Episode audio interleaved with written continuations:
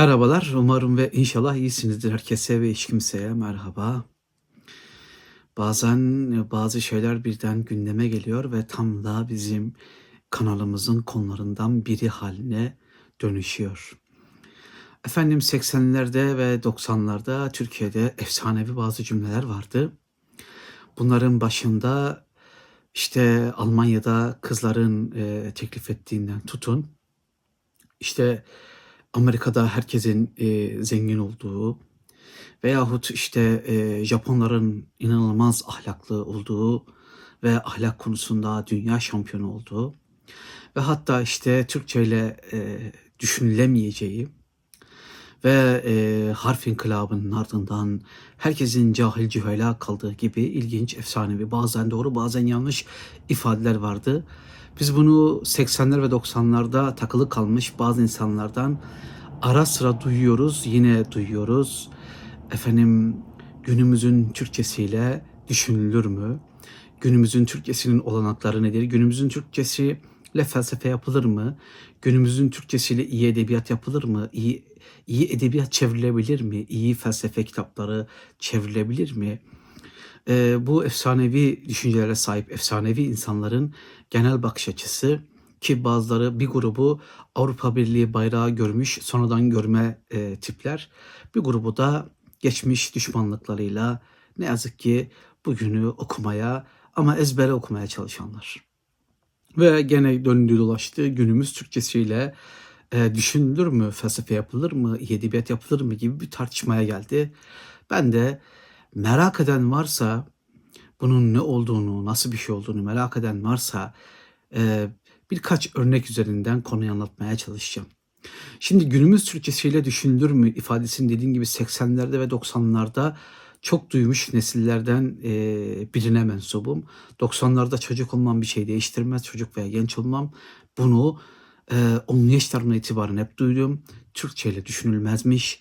O yüzden e, Türkçe gelişmemiş bir dil olduğundan dolayı e, Türkiye'de e, iyi bilim yapılamazmış, iyi felsefe yapılamazmış, iyi edebiyat yapılamazmış gibi düşünceler.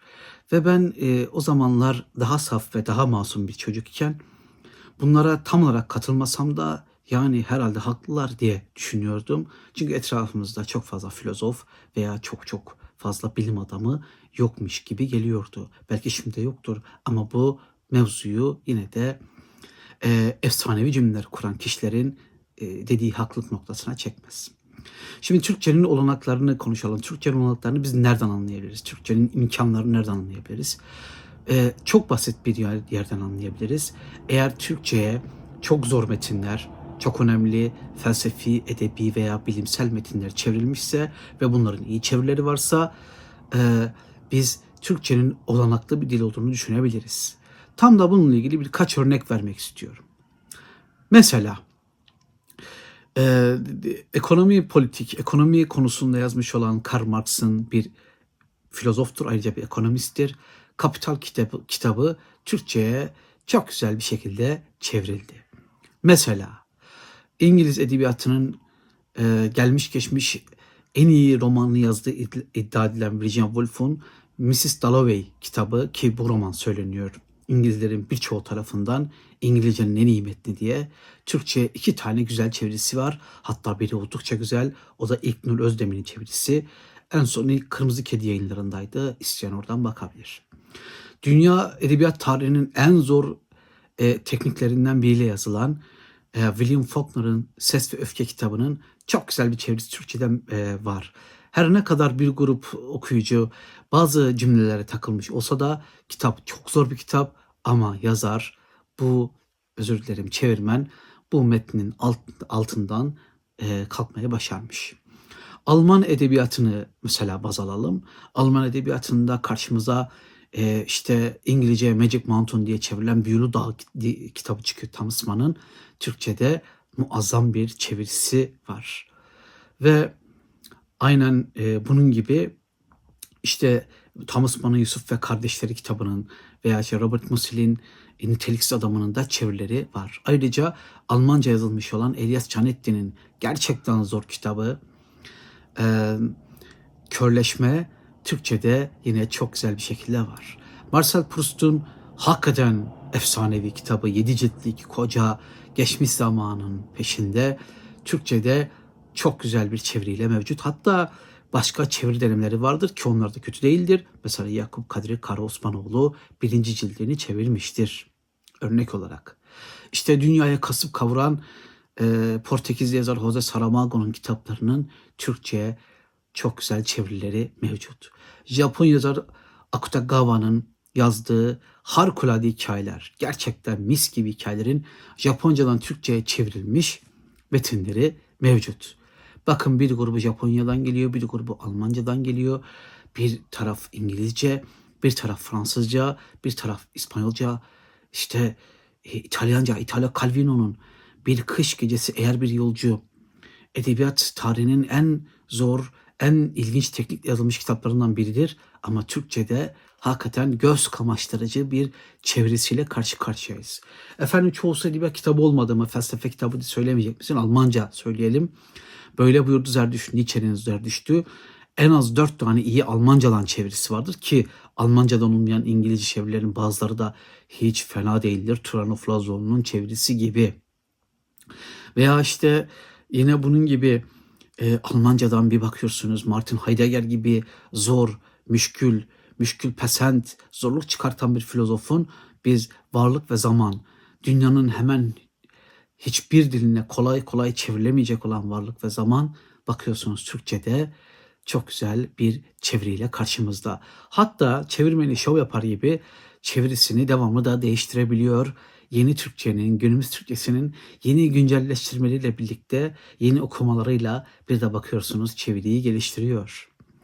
E, aynen İngilizlerin en önemli e, yazarları, romancıları, hikayecileri, şairleri Türkçe rahatlıkla çevrilebiliyor. Mesela Amerika'dan bir örnek vereyim. Bir felsefi bilimsel metin olarak hem bilimin aha babasının yapıldığı hem de ciddi ciddi felsefe yapılan kitaplar. Mesela Steven Pinker'ın Boş Sayfa kitabını Türkçe'de görebiliyorsunuz. Mesela e, Hans von die Frutun ismini unuttum Almanca bölümünde. Bilinç gökten düşmediği başlangıç hidrojen vardı gibi kitaplarının muazzam Türkçe çevirilerini görüyorsunuz. Yine İngilizceye dönelim. Yine Amerika'ya dönelim. Mesela Daniel Dennett'in e, başucu kitabı olarak gördüğüm Aklın Gözü kitabını görüyorsunuz. Yine Steven Pinker'ın Düşüncenin Maddesini görüyorsunuz. Bunun gibi onlarca kitap, belki yüzlerce kitap. Hepsi çok zor metinler. Hepsi üzerinde çok çalışılması gereken ve hatta birçok dünya diline iyi çevirilerini yapıp yapılmadığı halen daha şüpheli olan metinler ve bunların hepsi Türkçe'ye çok iyi çeviriler ve çok iyi çevirmenler tarafından e, sunulmuş durumda. Peki bu bir dilin gücü değil midir? Elbette öyledir. Bu bir dilin olanağı demektir. Eğer siz bu kadar farklı dilden, bu kadar farklı dil ailesine mensup, dil gruplarına mensup, kadar yapıları farklı dillerden çeviriler yapabiliyorsanız ve bunları e, yaptığınızda da ortaya pırıl pırıl çeviriler çıkıyorsa bu kullandığınız dilin, Türkçenin olanaklı bir dil olduğunu gösterir. Mesela ben size daha radikal bir örnek vereyim. Ee, çok sevdiğim bir yazar var, bir Amerikalı yazar Charles Bukowski. Onun e, kitapları tabii ki İngilizce. Onların bir de Türkçeleri var. Avi Pardo diye bir çevirmen tarafından çevrilmiş. E, sizi temin ederim İngilizcesini bir tarafa, Türkçesini bir tarafa koyun. Türkçesi İngilizcesinden daha güzel, daha okunaklı ve e, daha müzikal diyebilirim. Ve hiçbir şekilde anlamdan ödün vermeden çok iyi bir çeviriyle karşı karşıyayız. E diyeceksiniz ki hep çevirilerden bahsettin. Bu dilin kendisinde düşünülmüyor mu? Bu e, günümüz Türkçesi düşünülmediğini Oğuz Atay bilmiyormuş demek ki tutunamayanları ve tehlikeli oyunları yazmış. Tanpınar bilmiyormuş. İşte 19. asır Türk Edebiyatı tarihini yazmış. Tuğla gibi bir kitaptır ve orada bir dilin tüm olanaklarını görürsünüz. Tanpınar'ın Saatleri Ayarlama Enstitüsü ve Huzur romanlarında Türkçenin olanaklarını nasıl kullandığını görürsünüz ve bol bol düşünülür. Sapa sağlam düşünüldüğünü görürsünüz. İhsan Oktay Yanar'da bunu zaten görürsünüz.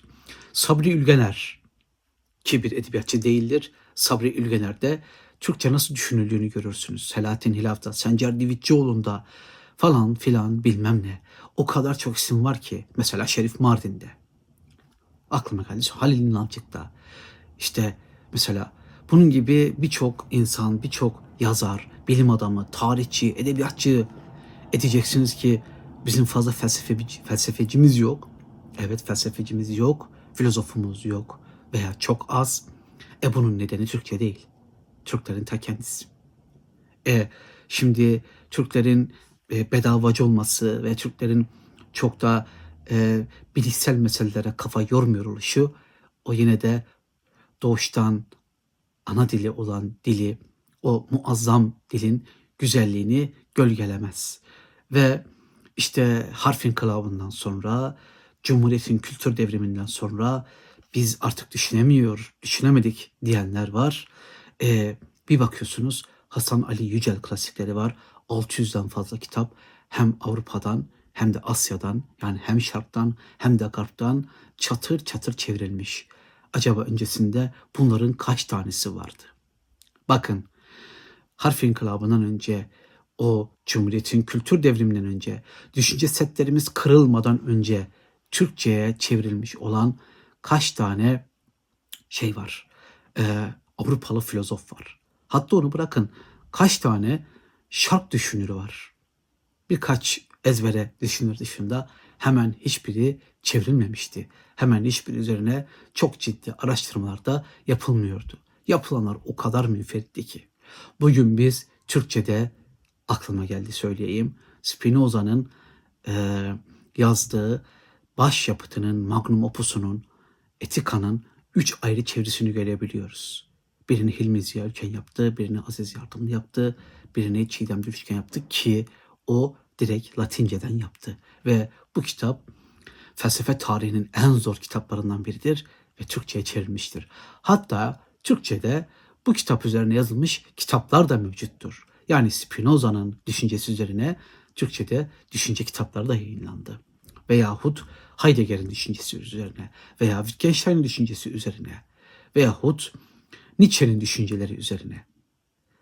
Eğer Cumhuriyet'in kültür devriminden sonra biz hiç düşünemeseydik bunlar da yapılmayacaktı.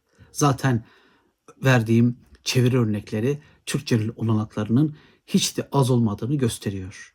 Evet, her dilin kusurları vardır, her dilin eksikleri vardır ama hiçbir dilin hiçbir dile üstünlüğü yoktur.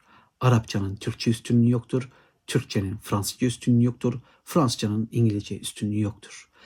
Tüm dillerin farklılıkları vardır ama birbirlerine üstünlükleri yoktur. Türkler az düşünüyor olabilir veya işte tembellikten olabilir. Bu bir e, geleneksel tavırdan olabilir ama Türkçenin bunda bir kusuru yoktur. Teşekkür ederim. Desteklerinizi beklerim. En yakın zamanda görüşelim. Ben birazdan gidip e, menemen yapacağım. İçine de sucuk koyacağım. Biraz da Türkçe düşüneceğim. Teşekkürler. Görüşürüz.